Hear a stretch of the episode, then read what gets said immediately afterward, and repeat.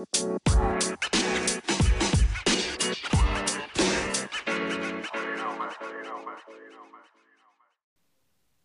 warahmatullahi wabarakatuh. Selamat pagi, selamat siang, selamat malam. Kapan pun Anda mendengarkan podcast ini. Selamat datang di Witcher Podcast. Bersama saya Galam pertama sebagai host Anda untuk episode kali ini. Kenapa dinamakan Witcher Podcast? Witcher adalah kepanjangan dari with nature, yaitu bersama alam atau dengan alam. Jadi kita hidup di bumi ini harus berdampingan bersama alam tanpa merusak ekosistem alam itu sendiri. Di podcast ini, kita akan membahas hal-hal yang berkaitan dengan kerusakan-kerusakan alam.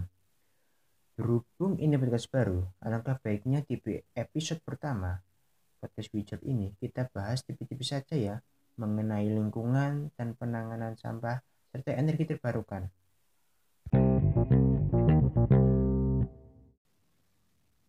Sampah selalu jadi masalah, terutama sih untuk sampah plastik, karena sifat plastik itu sendiri yang sulit terurai Beda dengan plastik organik yang walaupun dibiarkan di tanah begitu saja ataupun ditimbun, maka akan terurai dengan sendirinya dan tidak akan mencemari tanahnya. Dan dengan waktu yang cepat pula, tidak seperti sampah plastik yang harus menunggu ratusan tahun, bahkan ribuan tahun. Bahkan styrofoam yang biasa kita gunakan untuk makan takoyaki, untuk makan nasi goreng aja itu tidak terurai menurut penelitian sama sekali tidak terurai oleh tanah, oleh air maupun oleh udara. Nah, gimana itu? Apakah itu dibiarkan menumpuk begitu saja? Nah, memang salah ketika kita menghadapi sampah anorganik. Karena ketika kita bakar, nanti mencemari udara. Ketika kita masukin ke tanah atau kita kubur ke tanah, nanti akan mencemari tanah. Ketika kita buang ke tong sampah itu kisi kelihatannya yang agak benar ketika dilakukan sekarang. Ya memang itu bisa kita lah yang sebetulnya sih ketika kita buang ke tong sampah nantinya kan sampai ke tempat pembuangan akhir atau TPE itu juga nggak baik karena kenapa? Sampah plastik akan terus menerus menumpuk terus menumpuk menjadi gunung sampah. Nah sampah plastik yang sering kita buang itu berupa kantong plastik kan? Ketika kita bisa beli sesuatu beli apa? Dapat kantong plastik satu. Kita buang beli lagi. Apa? Dapat kantong plastik lagi buang begitu seterusnya. Begitu seterusnya. Andaikan saja ada seribu orang. Berarti kita beli makanan atau minuman tiga kali sehari tiga kali seribu tiga ribu. Sampah itu asumsi minimal itu. Tiga ribu sampah terbuang padahal sebenarnya bisa dipakai lagi. Harusnya kita menerapkan prinsip reduce dan reuse.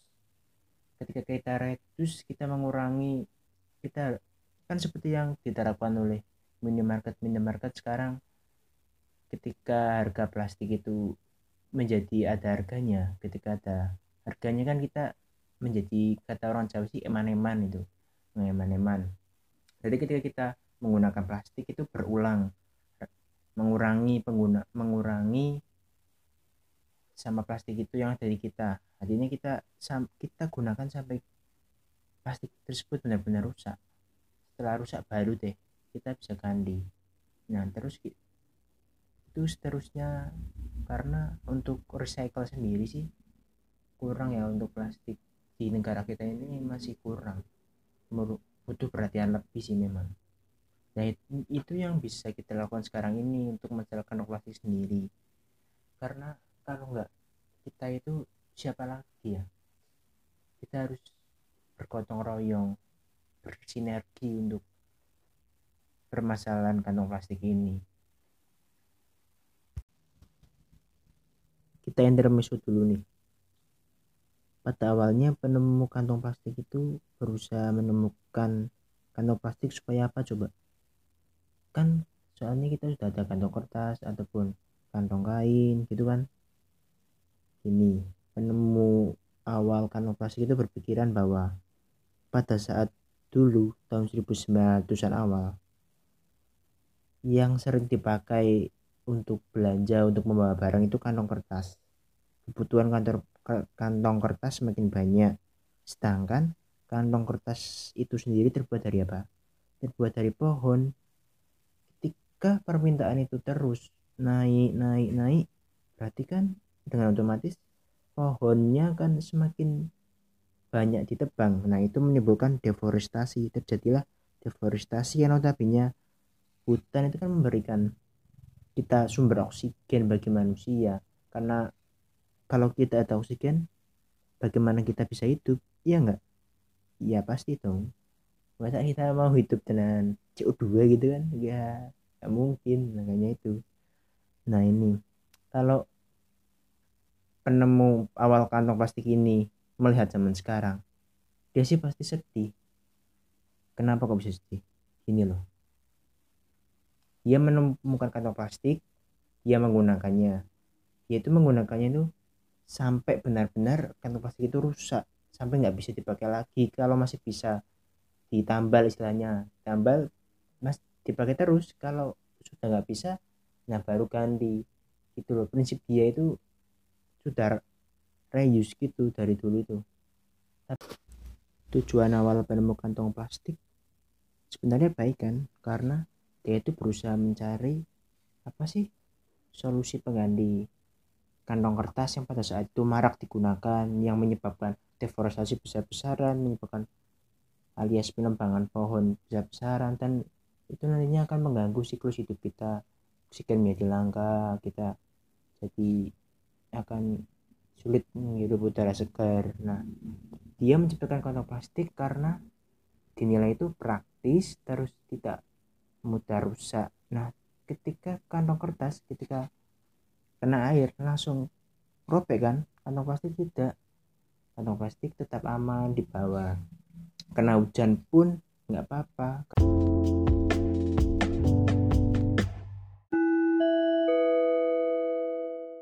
selain sampah plastik yang berupa kantong plastik tadi, kita juga kerap menemui sampah plastik yang berupa botol-botol minuman, bungkus-bungkus makanan, saset-saset sampo, gitu kan?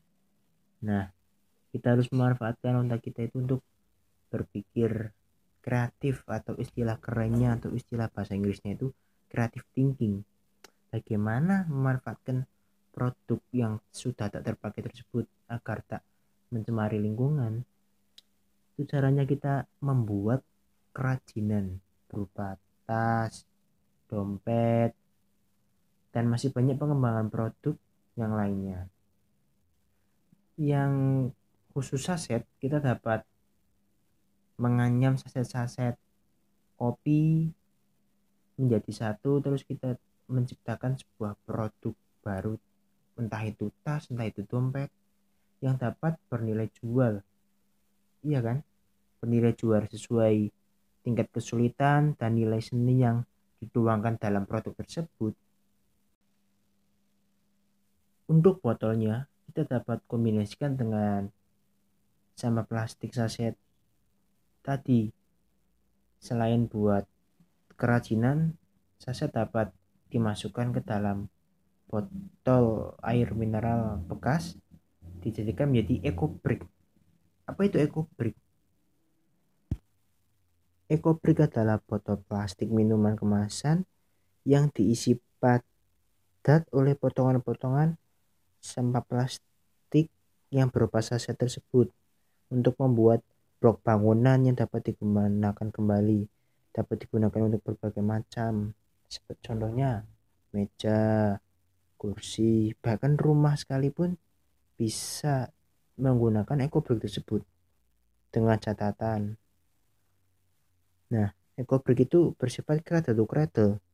Ketika produk meja itu sudah rusak, sudah hancur, bloknya itu, kita kan dapat membuat meja kembali ataupun kita malah merubah yang tadinya ekobrik disusun menjadi meja dapat dijadikan menjadi kursi. Itu itulah yang disebut cradle to cradle dapat dimanfaatkan kembali. Nah bukan tak mungkin lagi ekobrik ini dapat menciptakan sebuah perahu karena sifatnya itu mengapung. Kan kalau perahu kita mem, biasanya memakai kayu kan.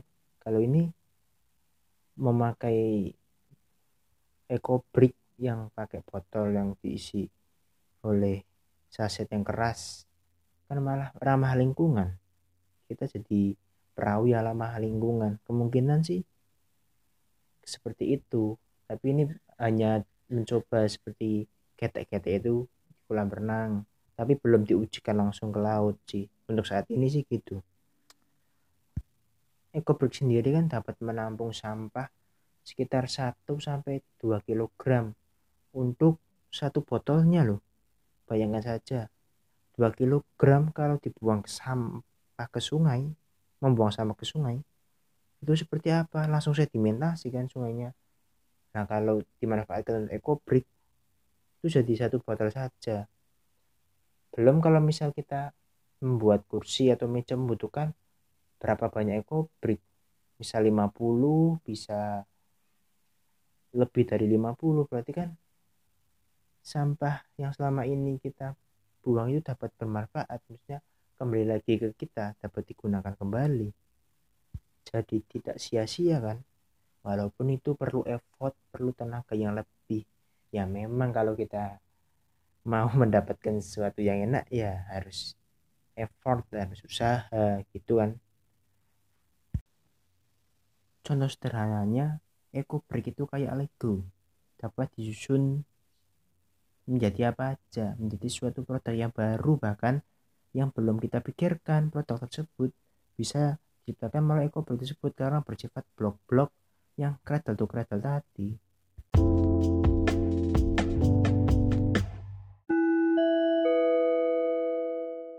Kita beralih ke topik lainnya tentang energi terbarukan energi terbarukan itu apa sih? Energi yang ramah lingkungan yang tidak menggunakan energi fosil yaitu energi yang memang berasal dari dalam bumi yang melalui proses juta-juta tahun yang lalu sehingga melahirkan energi fosil tersebut.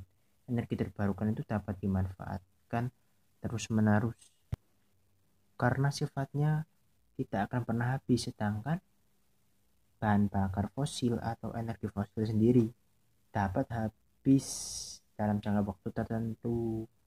Kalau energi terbarukan kan tidak karena sumber energinya itu dapat terus muncul. Energi baru dan terbarukan ini sejatinya memiliki masa depan yang cerah. Kenapa kok dibilang begitu? Karena teknologinya yang rendah emisi akan menguntungkan bagi lingkungan. Dan dengan ramah lingkungan maka akan menekan biaya dan akhirnya hitungan jangka panjang menjadi sumber energi yang jauh ekonom lebih ekonomis. Buangan emisi dari energi fosil pun dapat ditekan. Selama ini, Indonesia kurang bisa memanfaatkan energi baru dan terbarukan. Karena di Indonesia ini, persentase penggunaan energinya itu 8% dihasilkan oleh energi terbarukan dan yang 92% masih energi fosil. Nah, itu yang menjadi masalah.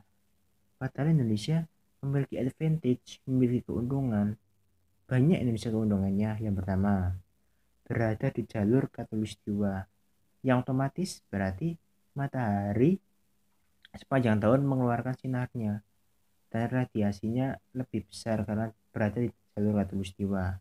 Itu dapat dimanfaatkan menjadi pembangkit listrik tenaga surya. Yang kedua, Indonesia itu berada terletak di lingkaran cincin gunung berapi vulkanik kan. Nah itu terdapat kandungan gas alam yang melimpah. Itu dapat menjadi pembangkit listrik tenaga gas alam yang terus mengeluarkan gasnya itu. Terus yang ketiga, Indonesia itu terdapat banyak pegunungan-pegunungan. Nah, di situ kan dapat kita manfaatkan sebagai pembangkit listrik tenaga angin PLTA kita pasang kincir angin di pegunungan sini kita pasang kincir angin di pegunungan situ kan? Dapat berfungsi untuk mengaliri pertama-tama untuk desa sekitar kincir angin tersebut lah. Lama kelamaan kan kalau semakin banyak dapat turun ke desa selanjutnya desa selanjutnya gitu terus menerus nah yang keempat Indonesia itu memiliki garis pantai yang panjang dan laut yang luas. Nah itu dapat dimanfaatkan menjadi PLTGL pembangkit listrik tenaga gelombang laut. Nah ini termasuk penemuan yang cukup baru sih dan risetnya itu belum dilakukan secara mendalam di Indonesia itu sendiri. Nah harus melakukan riset terlebih dahulu. Nah ini tuh menjadi potensi gitu loh. Menjadi potensi menjadi energi terbarukan alternatif lainnya lagi yang dapat dimanfaatkan nantinya menggantikan energi fosil yang lambat laun akan habis. Kalau energi ini kan akan terus menerus nggak akan habis. Ombak gelombang lautnya nggak akan habis. Selagi masih ada angin ya belum habis lah. Yang kelima Indonesia memiliki sungai juga yang banyak kan. Menjadi pemakai listrik tenaga air. Nah di negara lain seperti Jepang selokan ya selokan itu dapat dimanfaatkan menjadi energi listrik dengan ditaruh turbin yang sedemikian rupa dengan teknologinya itu dapat mengaliri satu lampu listrik di sebelah selokan tersebut. Nah itu dipasang runtut sepanjang selokan. Berarti kan otomatis lampu tersebut swasembada sendiri. Maksudnya energinya langsung dari air atau selokan tersebut tanpa listrik yang menggunakan batu bara atau menggunakan minyak bumi yang dibakar terlebih dahulu gitu kan. Ini itulah yang kita harus contoh dari negara lain. Dapat memanfaatkan sumber daya alamnya itu sendiri. Cara sekian untuk episode kali ini. Sampai jumpa lagi di episode selanjutnya. Bye bye